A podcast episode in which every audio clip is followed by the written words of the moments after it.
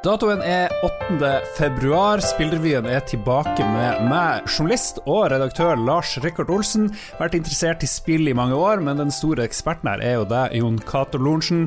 Tidligere spillsjef i Krillbite i fem år. Hvordan går det, eller var det fem år? Ja, det var fem år. Helt riktig. God journalistikk. Takk, takk. Vi har en stor stornyhet å starte med, Jon Cato. Ja, glad i at vi har vært i dialog med Virke Produsentforeningen om eh, spillprisen. Eh, det er den årlige prisutdelinga for norske spill. Og i og med korona så er jo sånne ting må gjøres digitalt, så de spurte oss i Spillprisen om vi kunne tenke oss å være verter og dele ut disse prisene på en livestream, og det har vi takka ja til. Ja. 4. mars klokka 19, og juryen er allerede i gang med å finne nominerte, hvem skal være finalister, hvem skal være vinnere, og så skal vi da snakke med folk, og vi skal dele ut priser og ha en hyggelig stund. Vi, vel, vi må vel ha dress og sånne ting da, kanskje? Ja, det må vi ha, og jeg tror også jeg får en Det er blitt ganske fine priser i år, så jeg tror jeg får en sånn fysisk pris hit til meg i Oslo. Det, det blir litt langt å sende til Harstad, så du kan vise den frem på kamera. Men vi skal vise frem prisene. Så vidt jeg vet, så er det de samme kategoriene som før, og det har vært eh, påmelding, så alle norske spillutviklere som ga ut spill i fjor, har hatt anledning til å melde på sine spill. Uh, og nå sitter ulike juryer og vurderer da i eh, syv-åtte forskjellige kategorier. Mm. Så sånn rent praktisk så kommer det til å gå på Twitch, så det blir alle som vil, kan jo se. Og så skal, har vi en tanke om å samle alle de nominerte, altså én fra hvert selskap eh, på, i sånn Discord, i en Discord-kanal, eh, så at vi kan eh, Det blir, det blir takketaler og intervjuer og alt som skal være med. Vi har jo gjort sånn her før, altså vi er ekspert på å gjøre sånne ting som eh, kaster oss ut i det, men det er litt sånn der uh, hva skal jeg si uh, Litt sånn full circle, fordi husker du NM i gameplay for uh, fem-seks år siden? Da rigga vi opp en Mac midt på tilt og sendte live fra NM i gameplay i seks timer, uten at vi egentlig visste hva vi ja. gjorde. Vi drev og ja. stressa rundt med å finne folk. Lærte fort at det hadde vært fint å ha en tredjemann, så da ble jo eh, Magnus Tellefsen med. Fordi vi trengte egentlig ja, ja, en sånn produsent, en som kunne være med og hjelpe oss under det der. der. Og så bare plutselig var en del av Lolbo i mange, mange år. Så vanligvis er jo spillprisen er jo hekta sammen med NME Gameplay, som utgår i år pga. korona. Eh, og Nordic Game Discovery Contest, og det tror jeg faktisk blir noe av. Så det er mulig vi får besøk av eh, mm. en glad danske i løpet av eh, sendinga. Ja. Hvilke priser skal deles ut? Du var jo innom at det er mange kategorier. Hva er dem for noe? Jeg tror det er de samme De bruker de samme som Nordic Game fortsatt, så det er uh, best moro for alle, det er best visuelle stil, uh, beste historie er det vel, og beste spill, beste spill liten skjerm osv. Slik det har vært før, så har det vel vært en jury med pressefolk som har kåra tre av prisene, og så har det vært fagjuryer på de forskjellige, altså folk som mm. jobber med grafikk, som kårer den visuelle stilen, folk som jobber med lyd, som kårer lydprisen, osv.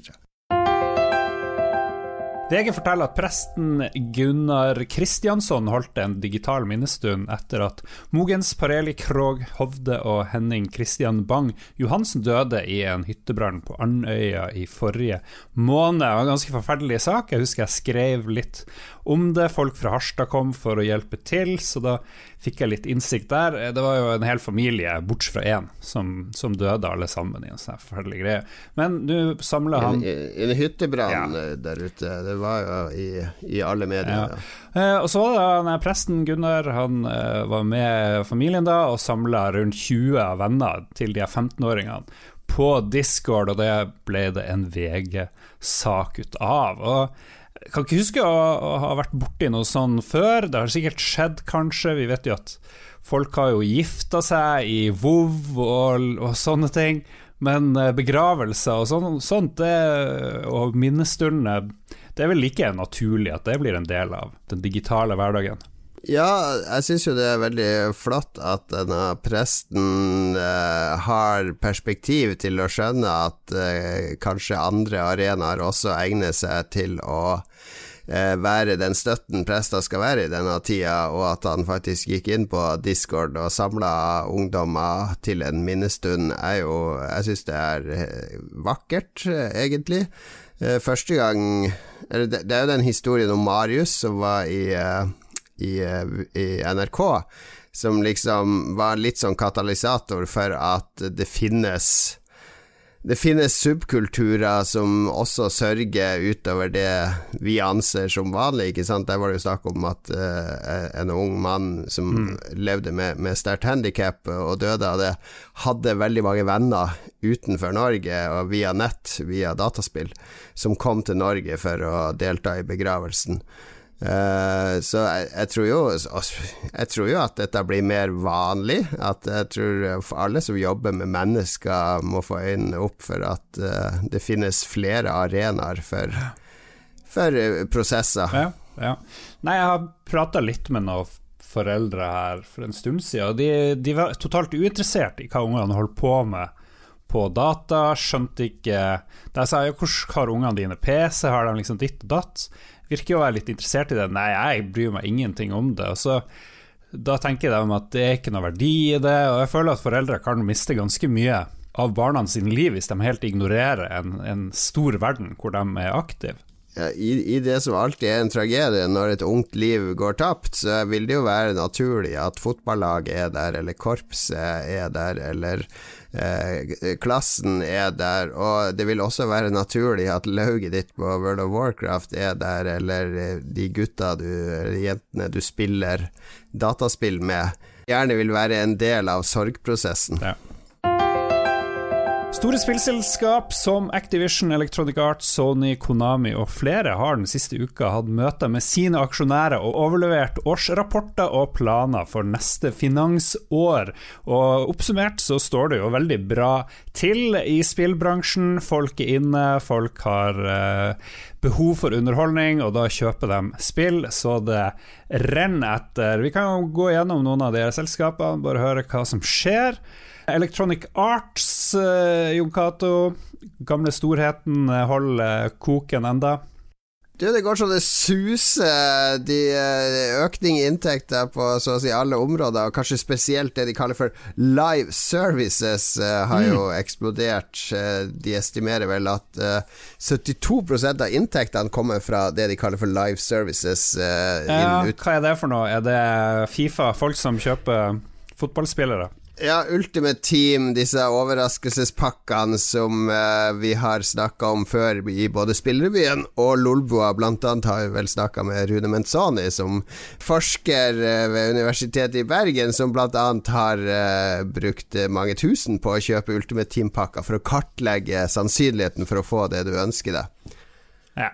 Men det er ikke bare Ultimate Team, det er også Apex Legends som, selger, som går så det suser, og er kjempepopulært både i, eh, ja, i hele verden, egentlig, men det, det, har slått veldig godt an i Asia.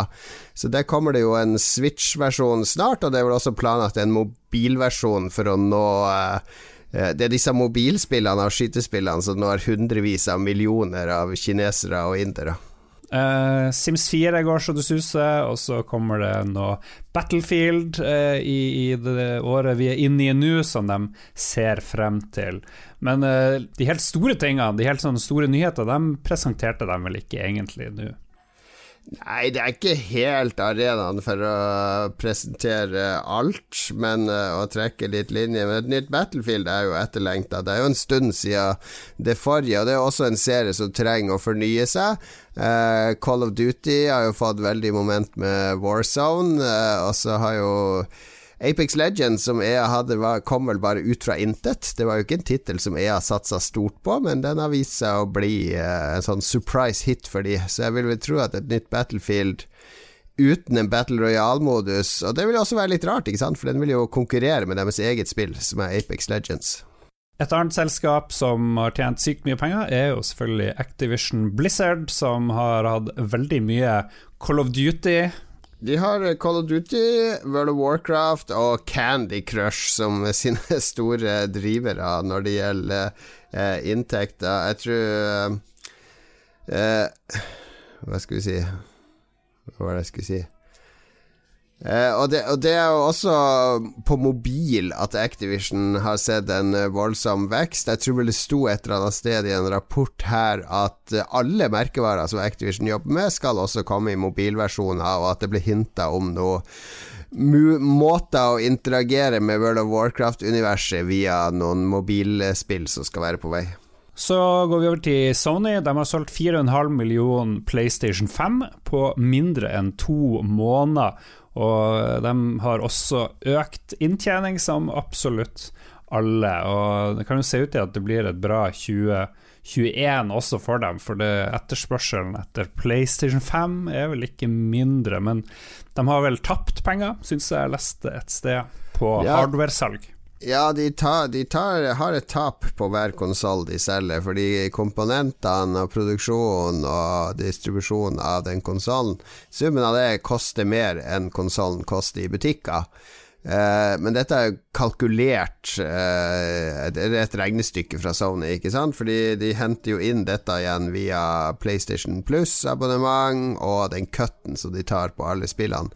Så dette er nok nøye utregna av Sony, at uh, den relativt lave prisen på konsollen gjør at de bygger opp en kundebase som de vil tjene inn igjen dette over tid.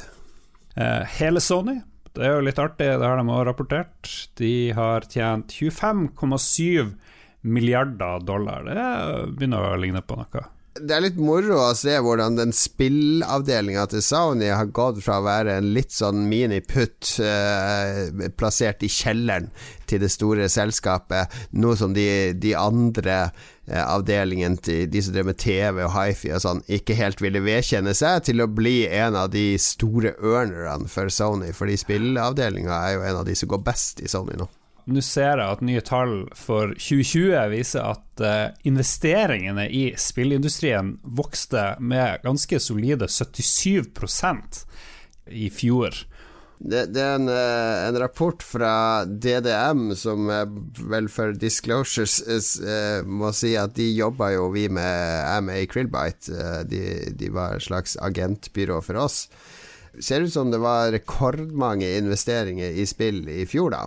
Det var jo noen veldig store deals vi vet om. 7,5 milliarder brukte Microsoft på å kjøpe Betesta og Zenimax, f.eks. Ja, ja, ja, men den er ikke en del av rapporten engang, ikke sant. Så det, det, er jo enda mer penger det er snakk om her, for den er jo ikke fullført ennå.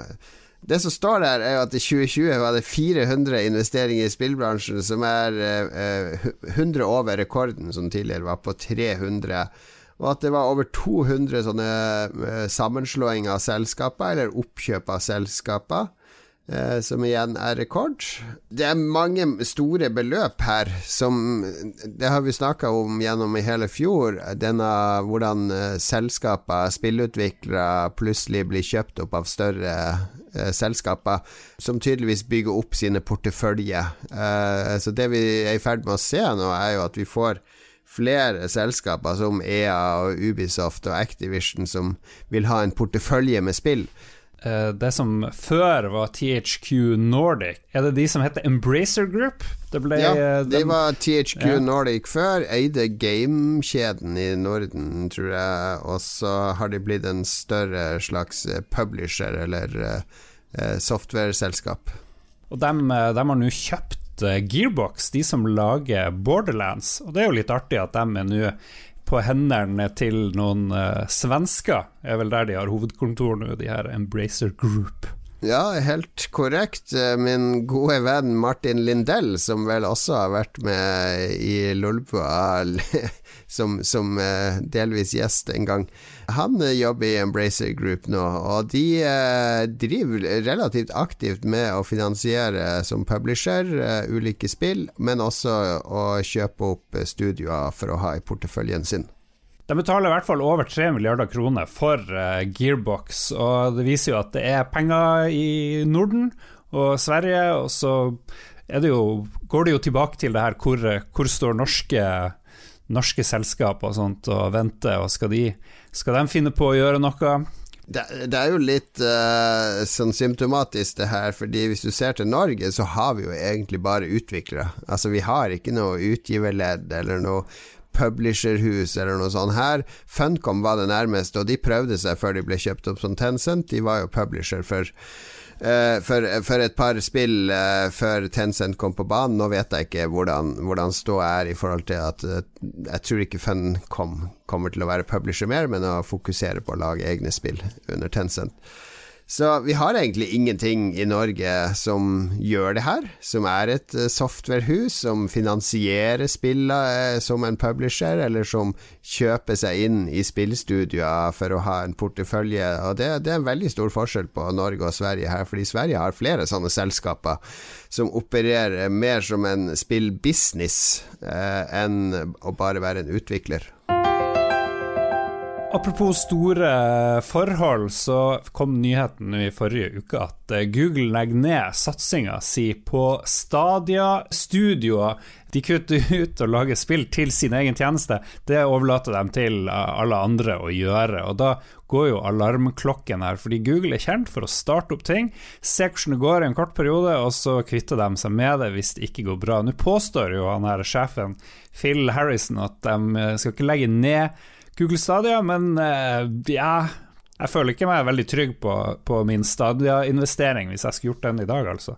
Nei, det, Phil Harrison uh, var jo med uh, når PlayStation ble stort. Uh, han var jo en nøkkelperson i Sony for å få PlayStation opp og frem, og har jo vært i, i bransjen lenge og innom flere selskaper. Og han ble på en måte frontfiguren til Stadia når det ble lansert med brask og bram for Ja, det er jo faktisk to år siden på GDC mm. at Stadia og Google hadde kjøpt masse plass på GDC for å fronte denne maskinen, og da hadde jo jeg møte med de til og med òg for å høre litt hva de var ute etter.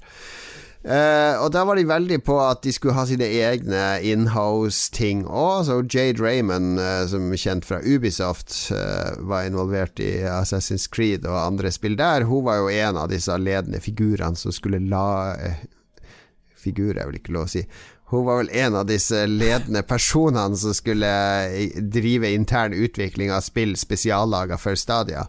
Og at de nå velger å kutte ut det her, bare to år etter de annonserte det, er ikke noe bra signal. Men så klart, altså de, bruker de masse penger på, på eksterne studioer for å få godt Stadia-innhold, så trenger de jo ikke å lage noe eget sjøl. Ja.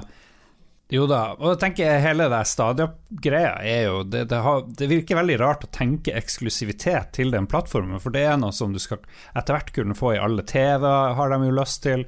Du skal kunne spille det uansett på en browser, og det, det har liksom ikke så mye med plattformer å gjøre og eksklusivitet å gjøre, egentlig, så for deres egen del så er det kanskje fornuftig å ha en sånn tilnærming til at vi vil at alle spill skal være på alle maskiner, inkludert Stadia.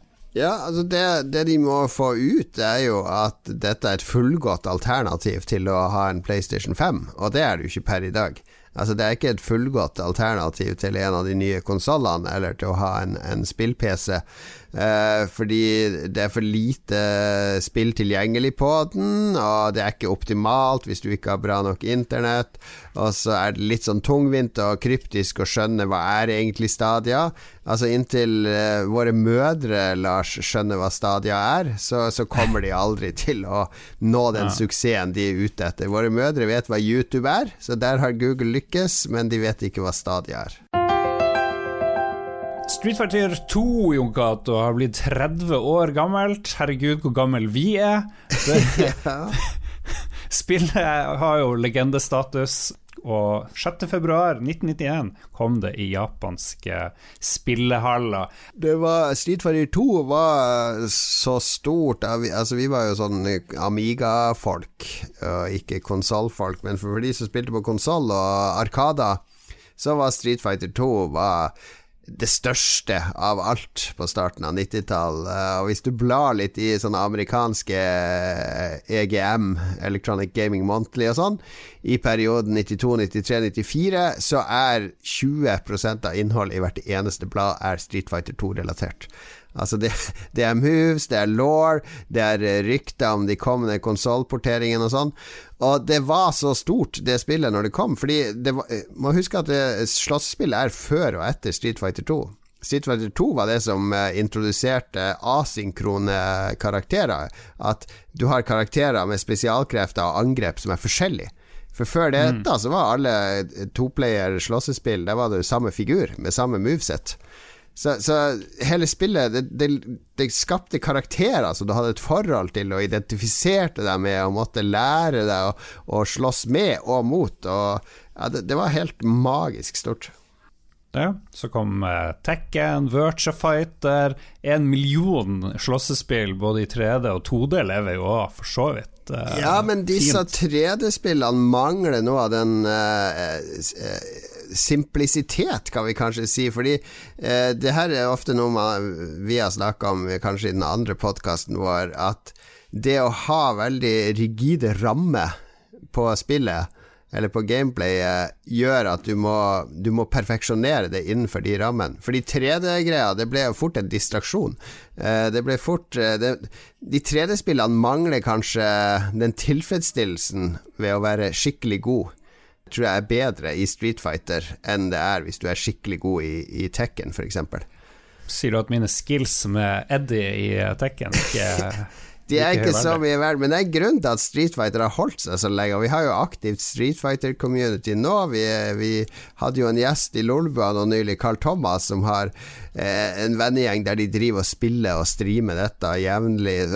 Folk har et, et, et, annet forhold til Street Fighter, og det, det holdes ved like ved at spillene ikke avviker for mye fra den normen som var, men likevel våger å utvikle seg og forbedre seg innenfor de rammene de har satt opp. Og det var stort i Norge òg der. Altså det På Akersvik, der vi brukte å frekventere i Oslo Når Street Fighter 2 kom på Super Nintendo, eh, så kom det kun i USA. Eh, først. Det var ofte et år mellom USA-lansering og Europa-lansering. Og da importerte Akersmik den amerikanske versjonen sammen med adaptere eh, for å selge i butikken, og de solgte de for 2500. Oh. 2000 eh, for spillet, 500 for adapteren eh, for importversjonen av Street Fighter fra USA i 1994. Omregna til dagens eh, penger, ikke sant, så snakker vi jo om nærmere 4000 kroner for ett spill på konsollen din. Og det var kø på Akersmik for å kjøpe Street Fighter 2. Så stort var det.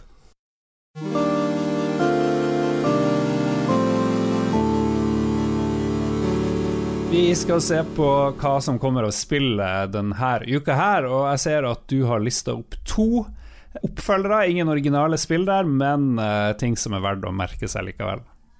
To spill uh, man bør uh, se litt nærmere på denne uka, i mine øyne.